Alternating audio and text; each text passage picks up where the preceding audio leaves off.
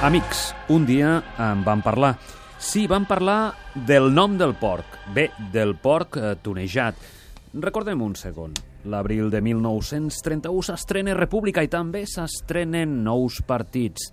I en pan neix el Partit Republicà d'Ordre de Catalunya. Vaja, el PROC. Però, però, però, el setmanari satíric terrorista benegre el degolla i l'anomena el porc. Una matança, un assassinat de marca. La bèstia es va popularitzar i ja no va aixecar més el cap. Tothom l'anomenava porc. Porc per aquí, porc per allà...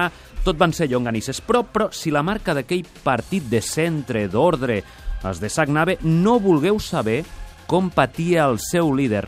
Ramon Pocielo i Forradellas també el van degollar. I la seva marca es va convertir en una matança doble. El terrorisme humorístic dinamitava el seu nom i cognom.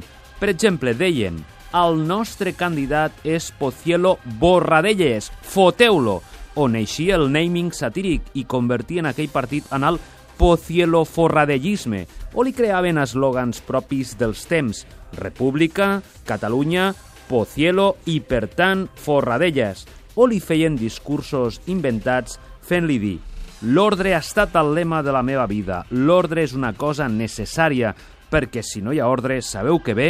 Doncs el desordre. I la imatge de Pocielo Forradellas va rebentar.